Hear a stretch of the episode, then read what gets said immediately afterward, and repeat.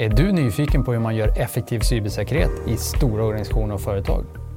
Vet du vilka åtgärder som verkligen gör skillnad? Häng med oss i Cybertalks och få svaren från våra erfarna gäster. Jag heter Rolf Rosenvinge. Välkommen!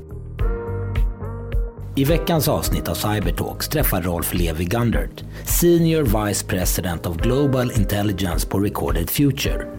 I avsnittet pratar de om hotaktörer, ransomware, men också hur stater agerar på cyberarenan för att främja sina nationella intressen.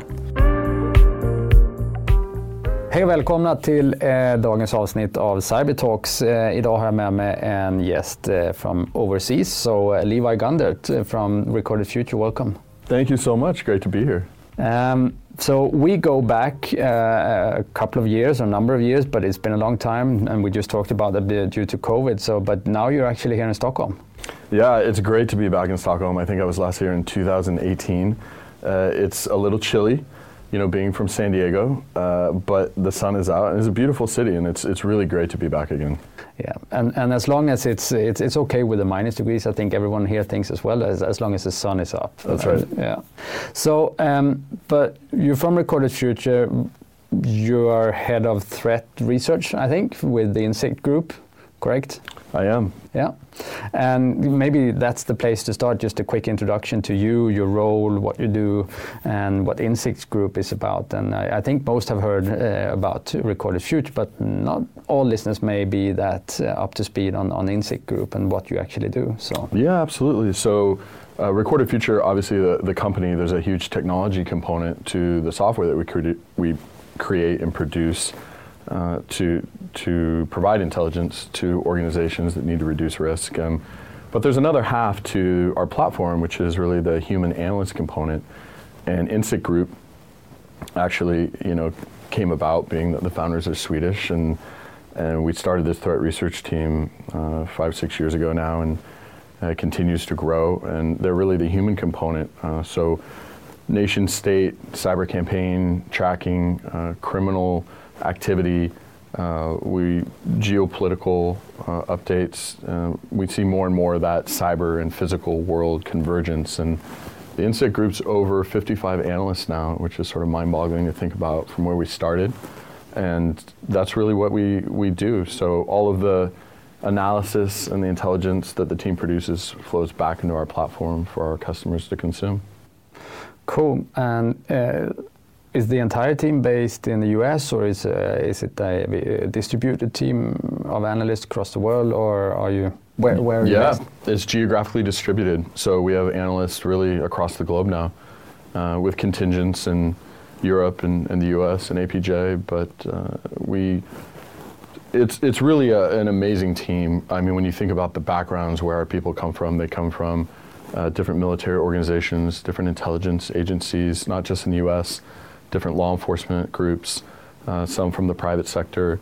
I think the, the team in aggregate speaks over 20 languages, um, a lot of technical skill sets, malware analysis and reversing. It's, it's really just an impressive group of people.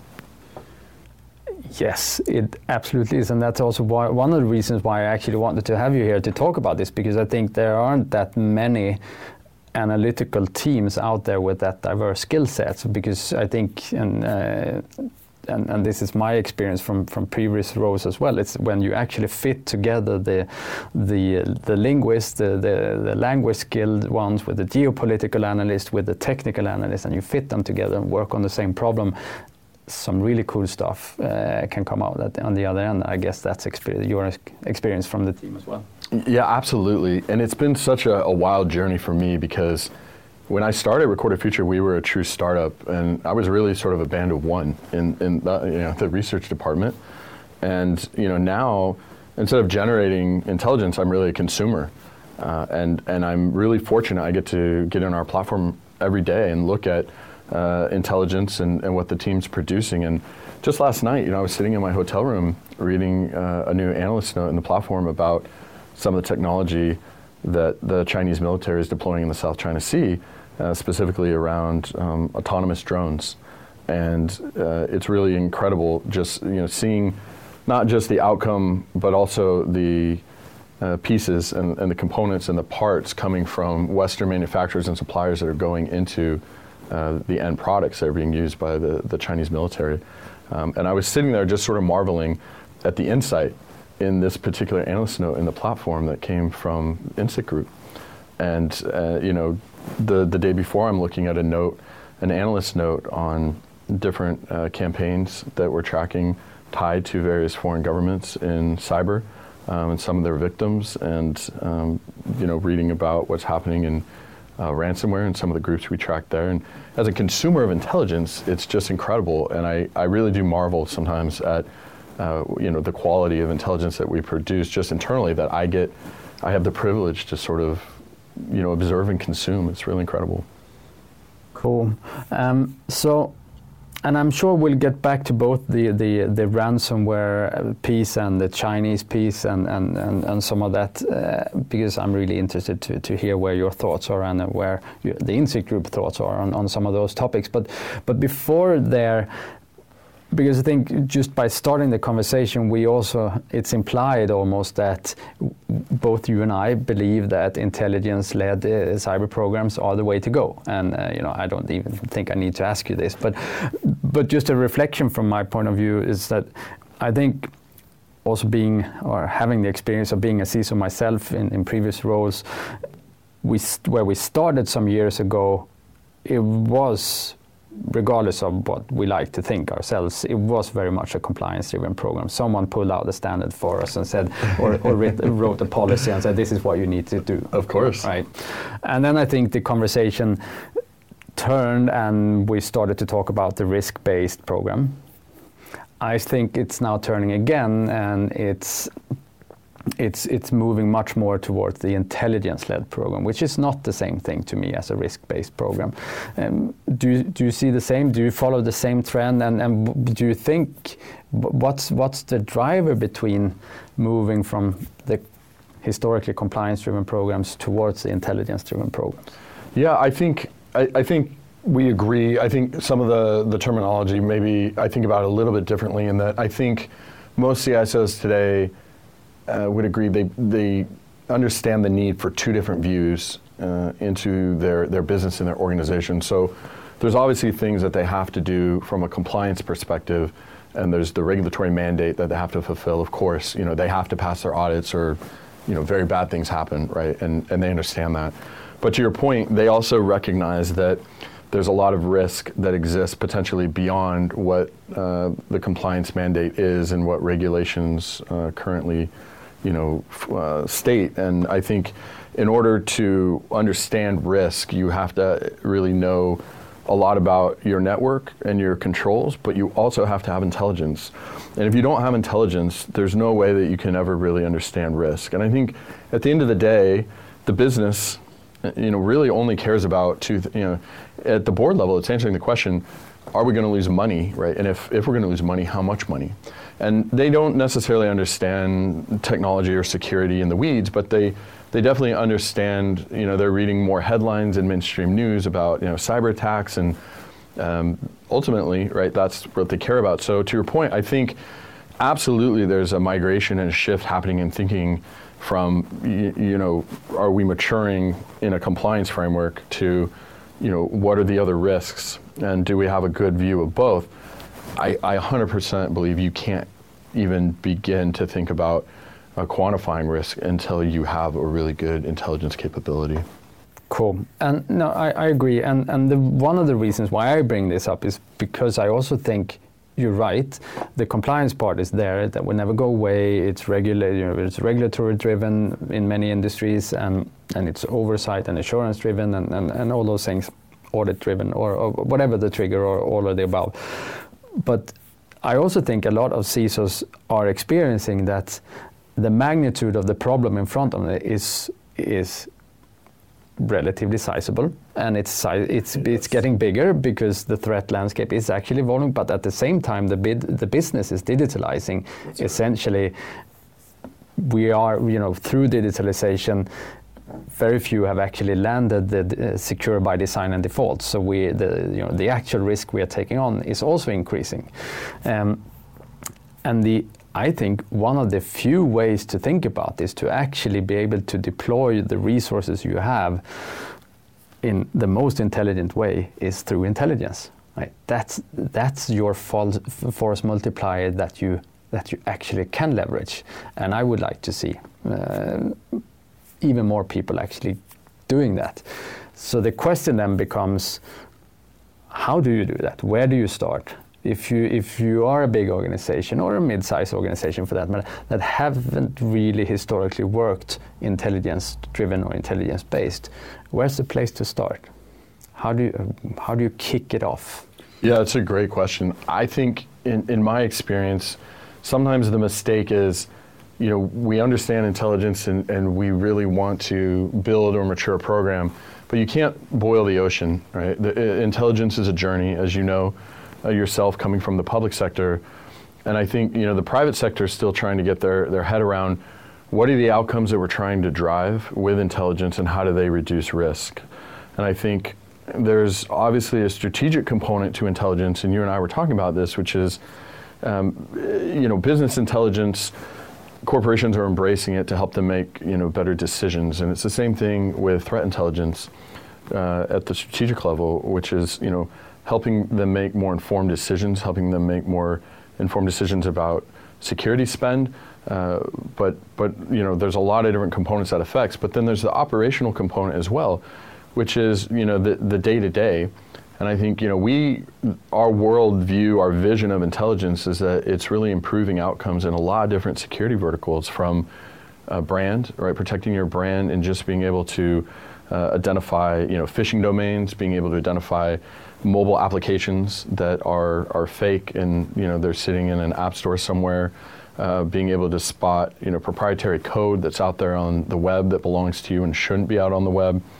Um, that's you know that's brand security operations, uh, indicators of compromise, being able to correlate uh, known bad indicators of compromise with your own internal telemetry, uh, vulnerability management, being able to prioritize. Right again, you know for a CISO that has a really complex environment maybe you know thousands of pieces of so- software and hardware that they have to worry about patching uh, being able to prioritize patching and prioritize vulnerabilities based on, for example, you know what ransomware actors are using, being able to articulate and justify why you need to accelerate patching to a particular line of business becomes extremely valuable. Um, looking at you know third-party risk management, looking at your supply chains, intelligence is so crucial, uh, and and we've talked about that as well. Um, and then finally, I think being able to uh, uh, have some trust in your controls. You know, you talk about compliance, which is, well, the compliance framework says we need to go implement a firewall. You know, sure, we can implement a firewall, but have we tuned it properly? Have we set up the rules properly? Have we tested it? And that actually goes for all the controls, both technical and policy within the organization, where if you're looking at adversary tools and tactics that are emerging, that they're using, uh, and being able to take those and actually test your own controls to determine where you have gaps, because the bottom line is there are a lot of gaps, and and CISOs don't necessarily you know recognize that until they start doing uh, that that iterative iterative workflow. So. I think operationally, there's so much goodness that comes out of intelligence in terms of those outcomes, um, and then strategically as, as well. Uh, but it's definitely not confined to you know one silo in, in the security org. No. I agree. I think you made the case for, for, for why everybody actually has to move in this direction. I would like to add one point, and, and it's touching upon one thing uh, you said. You, you talked about prior to being able to prioritize and prioritization. I actually think one of the to me, one of the biggest value adds of moving towards an intelligence driven program is that you have so many problems to work on, but how, how do you prioritize between all those gaps, policy deviations, uh, lack of controls, or not control controls not working uh, effectively, or whatever it is? It's through intelligence that you can help find the best best prioritization and actually sequence the stuff that uh, because you can't work on everything you can't prioritize everything. You need to find that sequence of how do you best execute as a, as a, as a CISO and I think that's to me is one of the greatest value adds of, of being intelligence driven. Oh 100% and you know at the end of the day I don't think the business they recognize that they can't necessarily mitigate every risk right? And they also recognize that not every threat is a risk to the business and that they do have good controls in certain places Uh, so to your point, prioritization really does become critical, especially now. You know, hybrid work environments, more people working at home, more movement to the cloud. And there's a, there's just a, a lot of, of movement uh, in the way that, that businesses are operating. And so being able to do that, being able to prioritize and, and understand what's a risk is really important. For example, um, you know, recently we've seen a lot of movement in the criminal space where actors are leveraging artificial intelligence to create deepfakes, both video and audio.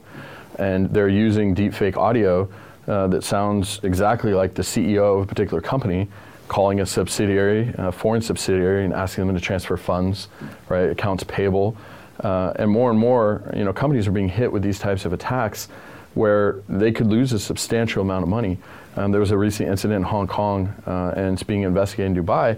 Uh, bank lost $35 million through a deepfake audio attack where they thought they were talking to the CEO of this company, and it wasn't. Right? And that's the sort of thing where the, the business may look at that and go, that's, that's a pretty sizable loss. Right? And that's, that's the type of threat we may not have uh, controls in place for, and, and given the potential for loss, right? To your point, like that's where we probably need to think about prioritizing, right? But if you don't have good intelligence, you don't know what you don't know. And, and that's really the, the fundamental value proposition, I think, to your point. Yes, reducing the unknowns, really. Cool. So switching gears a little bit, uh, since you are doing on a continuous basis all this threat research, uh, uh, there's also, f- uh, of course, a number of questions I, I, just feel I need to ask you, of course, now that I have you here. Um, ransomware. Um, everybody's on everybody's mind, of course, been for a while now. We've seen some of the, you know, the, the big attacks. Um, where do you think we are? Uh, will it get worse before it gets better? Uh, are we? What, what's what's your take on where we are and, and the size of this problem? the, the problem is enormous.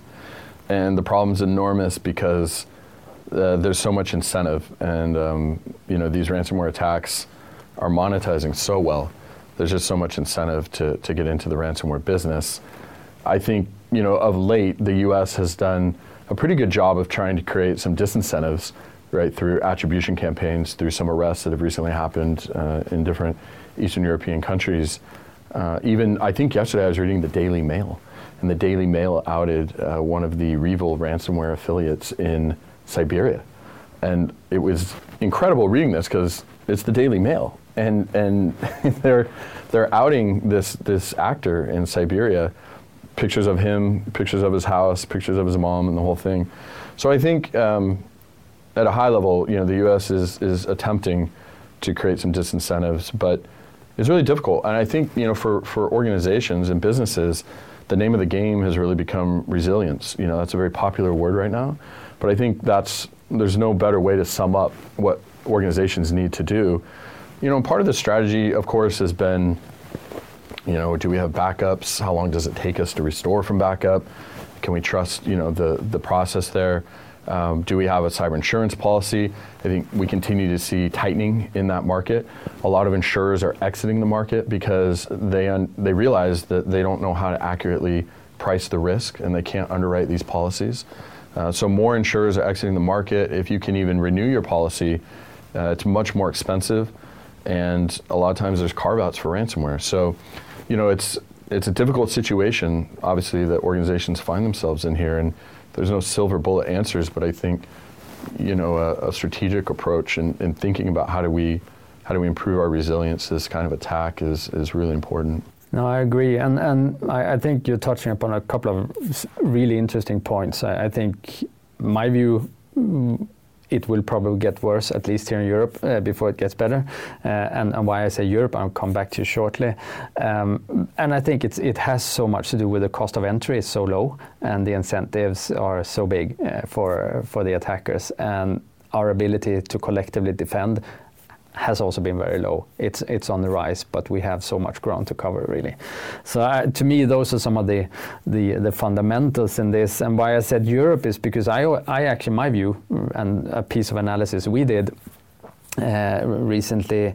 Uh, was I actually think something changed after the colonial pipeline in the US. I think the U.S. government got pissed off, Agreed. and even even the top guy got really pissed off and picked up the phone. And and I think from where we are sitting, that seems to start to have some impact. Uh, that the US government has agreed to get to some sort of more coordinated response and, and really up the cost for the attackers, and with the arrest in Eastern Europe, etc., uh, starting to, to raise that cost Yeah. for them. Would you agree? A hundred percent, I do agree, and I think, to your point, some of the targeting may change. You know, we have seen uh, ransomware groups going after insurance companies for the list of insured, right, so that they can be more efficient in their targeting with companies they know uh, have insurance policies and will pay a ransom. You know, and that's that is. Um, you know, potentially going to help them identify uh, European companies specifically. And I, I 100% agree with your point there that something did change after Colonial, and uh, it is potentially more dangerous to target U.S. companies. Uh, and, and Europe and, and Asia in particular may be more attractive in the near future, 100%. I think I think that's it, and I think that was the that, that was also the bottom line conclusion of the analysis we did. Because, and I, I think we as Europeans have not really collectively taken that aboard yet. That we, we I, I think a lot of us still sit here and look at the U.S. government response and say, "Yeah, that's great, go after them," and haven't really thought about so what are the natural then next steps for the attackers? Yeah, they will move here in an increasingly. Uh, and attack more Europeans because the cost of doing business is still very low here. And I don't think, honestly, I don't think the European Union or the individual governments of, of Europe has the same capabilities to get to a coordinated response and really up the cost for the attackers. So it's simply good economics for the attackers to move here. I couldn't agree more. I, I think that's a very valid hypothesis, and I think there's, you know, we, we look at the ways that unauthorized access is initially happening in a lot of these networks before ransomware gets deployed. You know, it's vulnerabilities, it's credential reuse, and it's phishing. And I think um, Europe in general is probably going to see, you know, more of uh, attacks that include one of those three targeting vectors, uh, because the, to your point, the, the incentives haven't gone away. There, there is a lot of money to be made, and um, there's, there's no reason to think that actors, especially in Russia, are, are going to stop anytime soon. I think now this conversation can go in, in at least two directions, and, and so either we uh, continue to talk about the U.S. government response, or but I actually also want to ask you one more question on ransomware specifically, because I I think, and I think you just talked a little bit about this. So, what are the best options for the CISOs? You know, considering what you guys know about the the uh, modus uh, operandi of the ransomware, the, the various ransomware groups. If if you were to kind of pull together the bottom line recommendations and say, all right, here are the three, four things that actually can help change the game, which would those be? Yeah, it's a great question. Again, you know, I come back to the resilience statement because I, I do I do think that's really important. I think it's a you have to have a multi-pronged strategy. I, I don't think you know you can put all the eggs in one basket and say you know this is where we make our stand. I, I think we've learned over the years that, that you know there has to be multiple layers to the strategy, but when you again when you look at how ransomware actors achieve that initial access into the network, um, focusing on multi-factor authentication, so that even when you have uh, credentials that have been stolen and are attempting to be reused, really limits the efficacy of that kind of attack. So you know it's not just the the issue here is not just multi-factor authentication. It's being able to know your own network and being able to understand all of your assets which is hard. It's, it's very easy for us to sit here and say, you know, you should do this, you should do that. And an enterprise, right, with, with a lot of different technologies and a lot of different assets is really hard. You know, someone stands up a server somewhere in the cloud or someone, you know, uh, puts a new piece of software on the network is really hard, right, to stay up with that. But I think that's, if you're, if you're able to think comprehensively about multi-factor authentication, that's going to be very helpful. I think, you know, on the vulnerability management side, again, you may have thousands of vulnerabilities, right, that you have to get around patching. It turns out, based on research we did over the last couple quarters, ransomware actors are only using 45 vulnerabilities right now uh, that allow them access into a network remotely. So you're taking that down from, you know, hundreds or thousands down to 45. that's manageable, right? And that's where you focus intelligence-led program. To your point, you focus on the 45, right, which is which is how they're achieving that initial access, and make sure you patch there. Uh, and then lastly, on phishing, you know, obviously email security controls are really important. And I think, you know, the, we have these discussions sort of back and forth and debates about the value of training users, right, and, and phishing tests and these sorts of things. But I think, you know, being persistent there and, and trying to improve the situation with users and user behavior is, is helpful, right? Is it going to completely solve the problem? No. But it's going to reduce risk. So I think across those three is great. And then, like I said, um, understanding your backups and not just not just do we have backups binary yes or no it's really how long will it take us to restore from backup if we have to do you know a large scale system restore and that's something that i think a lot of organizations haven't necessarily answered for themselves yet I agree, and especially on the last point, I think a lot of organizations obviously have worked on their backups for a long, long time, but more from a generic availability standpoint, yeah. and still find themselves when hit by ransomware with corrupted or destroyed back, backups. That's right, 100%. because that's what they go after. That's right, of course. Cool. Uh, no, thank you for that. Um, so then moving in, in the direction I originally thought about, uh, since I have you here, we talked a little bit about the US government response to the colonial pipeline. I also think that there is a lot of stuff happening on the geopolitical uh, side, and I wanted to take the chance to just ask you a couple of questions about that as well. And I think the place I would like to start is the US China relationship. So my view is just a couple of years ago, it was very much, uh, yeah, we are in this healthy competition. It, but but it's it's changing really really fast. And my perception when I talk to you, uh, people from the U.S. Now I think the most common uh, used word to describe China from a U.S. standpoint is an adversary. Would you agree? I, I, think my view is a little bit jaded because I've been watching Chinese uh, sponsored cyber campaigns for you know 15 plus years now, and you know the theft of intellectual property from from American businesses, and so I'm I'm definitely a little bit jaded on that point. But I, I do think it's interesting. You know, you you read different publications, and you know they talk about great powers and near great powers, and you know strategic competition and so forth. And I do agree with you. It's actually sort of reached the tipping point where I think that the relationship is very adversarial. Um, I guess my question to you is, uh, what do you think happens in the next, let's say, the next five years, if uh, China decides to repatriate Taiwan?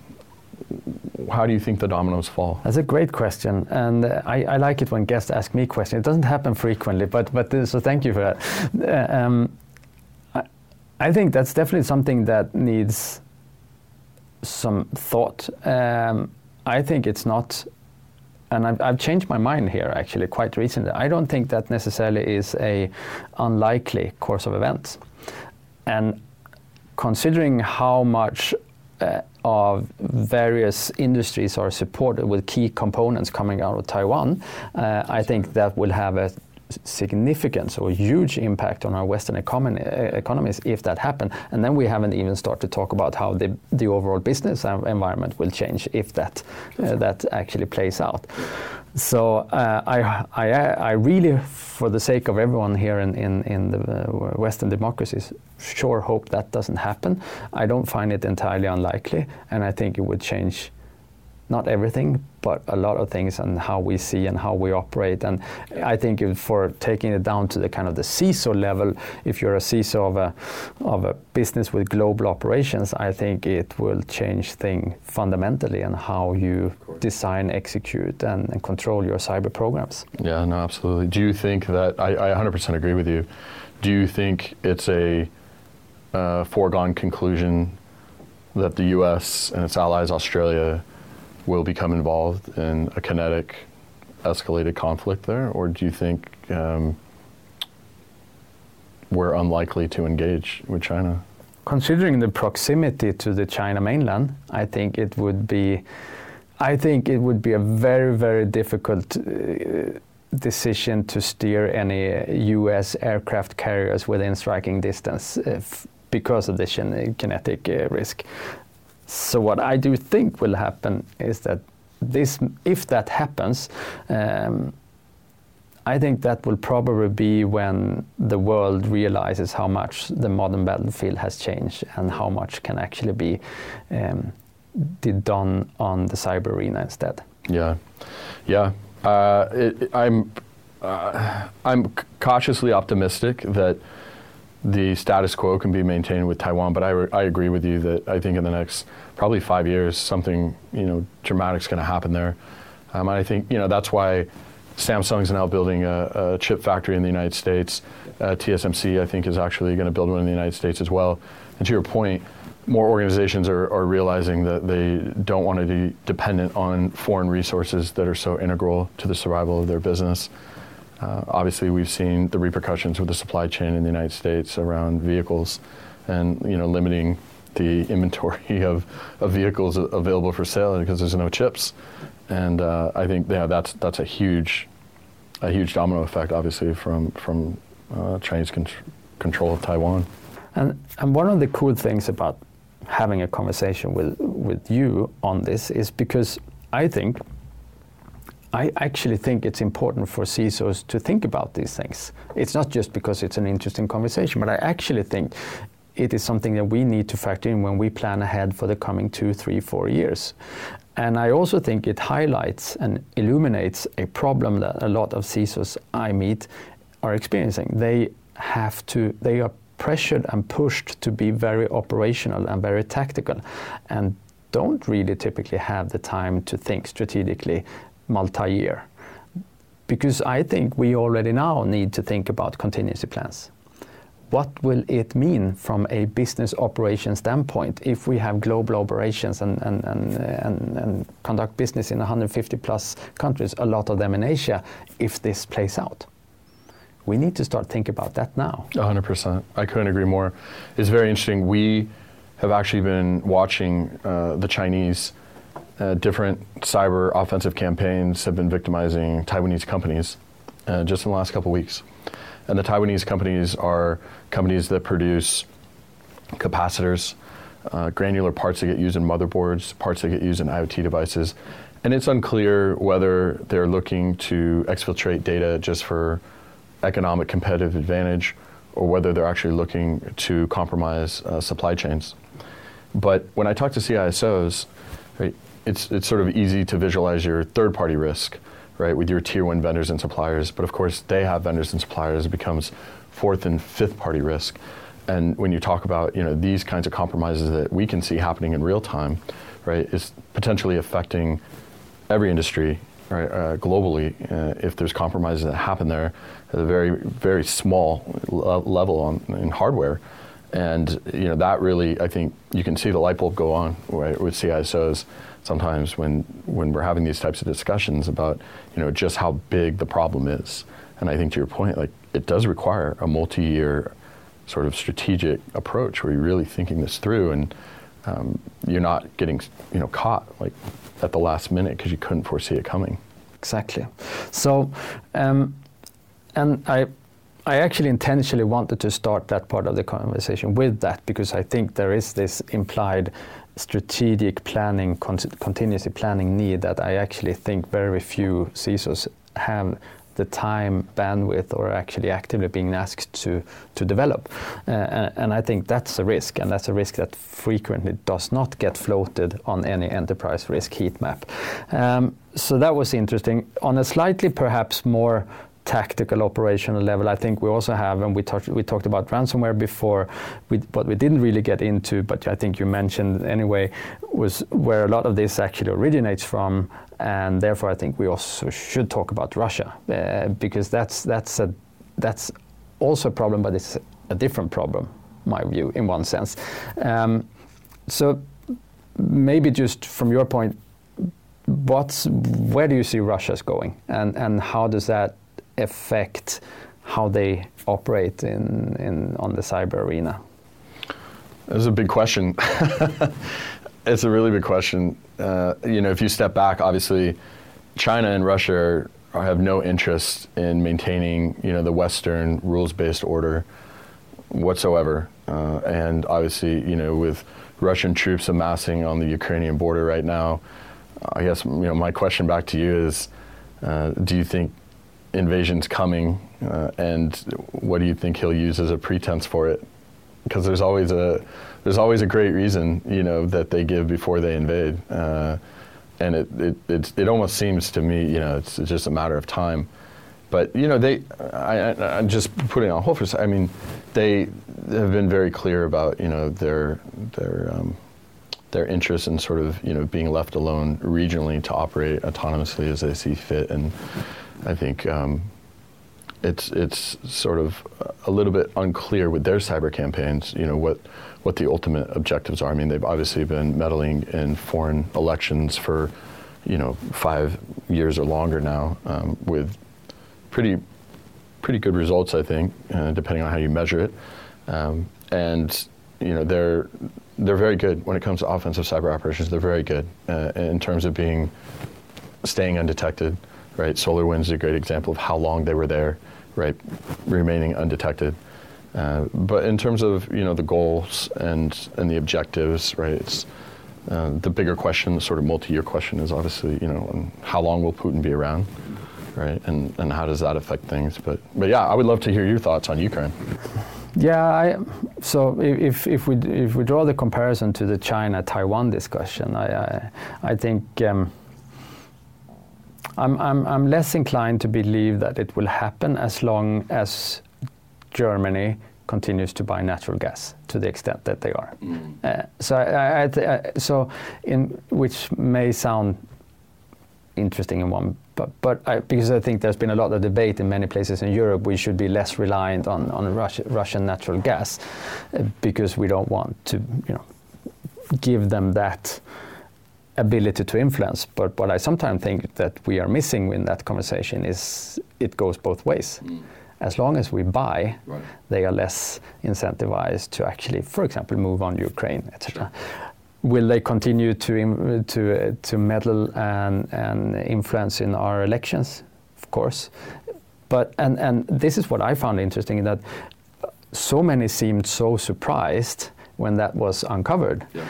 but I think they've actually been quite open for a long, long time that you know information operations, which is the term I think yeah. they, they, use, is an integrated part and actually sits on a very strategic level, uh, you know, within the state apparatus. And it's been for a long, long time. And it has two components: it's psychological warf- warfare and it's cyber. And it's those two, those two in combination that that then delivers information operations.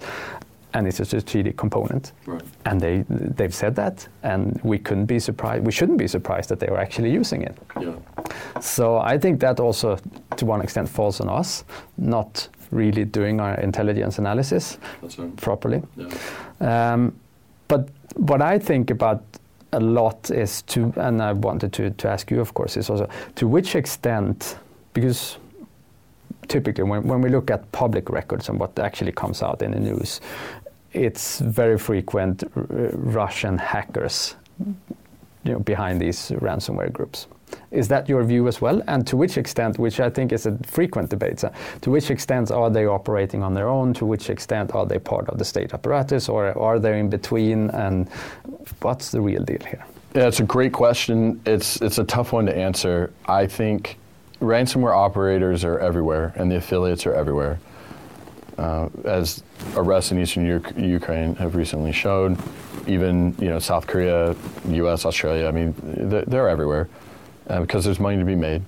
But there, there is definitely a significant contingent in Russia. And it was interesting. I was actually at a, a conference many years ago, and I was standing next to Eugene Kaspersky. I think I was actually holding his beer while he went to the restroom, and uh, he came back. And I got a question. I said, "Look, you know, why are there so many talented hackers in Russia that focus on crime?" And, and he said, look, you know, we have a fantastic education system, especially in math and science, and have for a long time. And you have people who are very educated in math and science, but there's a dearth of economic opportunity sometimes. And the, you know, the internet offers availability to, to really earn a lot of money. And you know, sometimes it's the perception is it's a victimless crime, right? And and the West has a lot of money and they have insurance, and you know, it's really a victimless crime, and that's how a lot of this starts. And I think I think there's some truth to that. Um, there's there's you know not a lot of job opportunities, and and you, you can make so much money so quickly, and that that's a potent cocktail. So I think it's unclear exactly what the relationship is between the Russian SVR and ransomware groups. But we do know that some of the ransomware groups have offices in Moscow. They go to work like it's a Western business. And we're talking a lot of people, right, going into offices. So it's not like the SVR somehow doesn't know about these ransomware actors and groups, but it's sort of, you know, what's the level of usefulness? And I think even in the Colonial Pipeline attack, there was some interesting overlap in attack infrastructure uh, between SVR owned infrastructure and ransomware group that, that hit Colonial Pipeline, uh, BlackMatter, DarkSide, and so it, it, it's unclear whether they're operating, you know, with the tacit permission of the SVR or whether there's a deeper sort of integration and coordination going on there is difficult to know. I mean, we see overlap in the infrastructure, but there's obviously multiple hypotheses right, that could come into play and be, be correct there. Maybe at the same time, it's hard to know, but um, th- there's no doubt that it's been useful uh, for the Russian intelligence apparatus up to this point. Um, maybe it's just obfuscating attribution is very helpful sometimes. Uh, but it could also just be helpful in that it, it is a pain point for the West, right? And it's, it's impossible to know exactly where things fall on the spectrum, but it's certainly in, in a very um, interesting dynamic to follow. It is, it is. Cool. No, thank you for that. Uh, time flies, um, and um, I, uh, since I have you here and you are head of threat research, I, I of course also have to ask you so about emerging trends. Mm. So, what are the what are the emerging risks that we have not yet focused enough on from your perspective that CS, CSIOs or CISOs, as I like to call them, should really pay attention to already now? Yeah, so the one big one I, I, I mentioned earlier, but you know we see we see threat actors using artificial intelligence more and more for you know creating deepfakes, and obviously the deepfakes have been used somewhat historically to try and influence elections. They've been relatively successful. I think it's really incumbent upon Western governments to educate their populations about deepfakes and how they work and why. You know, just because you see something uh, online, a video, doesn't mean it's real. It doesn't mean a photo is, is real. And I think you know doing that education campaign becomes really important uh, for democracy, but also uh, it's important with companies, right? Understanding that competitors can spin up uh, deep fake campaigns to try and um, target their competitors with negative publicity and so forth. Um, and then also, we're seeing now a huge push uh, into you know, business email compromise and social engineering via deepfake, uh, especially voice. So it's super fascinating because uh, criminals use neural networks, and they use basically freely available programs to generate these voices that are the exact replica of a CEO of a company, right, or a CFO of a company, and they call up a foreign subsidiary and say, "Hey, you know, you need to move this money and wire this money, right? Somebody in accounts payable uh, overseas." And uh, culturally, if you're in more of a command and control environment and the CEO calls you and it is the CEO's voice, uh, you're likely to do it, right? And so it's really taking social engineering to another level. And so I think just the whole emergence of artificial intelligence being used as a weapon to you know create these deep fakes, uh, audio and video, is going to become a bigger and bigger problem over time. Uh, you you know synthetic digital identities uh, that you can't really trust or believe in the same way you once did uh, really becomes a huge problem. And I think we're just at the tipping point right now where you know we're going to see more and more investment, uh, both in you know from nation states, but also really from criminals, uh, because they see big opportunity here. Thank you very insightful, uh, a little bit scary, I yeah. must admit, and and um, uh, but always good as uh, as always to, to talk to you. And uh, I think we'll we'll wrap it here. But super cool to have you here. Thank you for taking the time to be on Cyber Talks. So now that you're in Stockholm. Yeah, likewise. It was great to be here. Thanks so much for the opportunity. So Levi Gundert, head of threat uh, research at Recorded Future, leading the Insikt Group. Thank you for being here, and to all the listeners, until next time. Podden är ett samarbete mellan Orange Cyber Defense och Paliscope och spelas in och klipps på Om Media.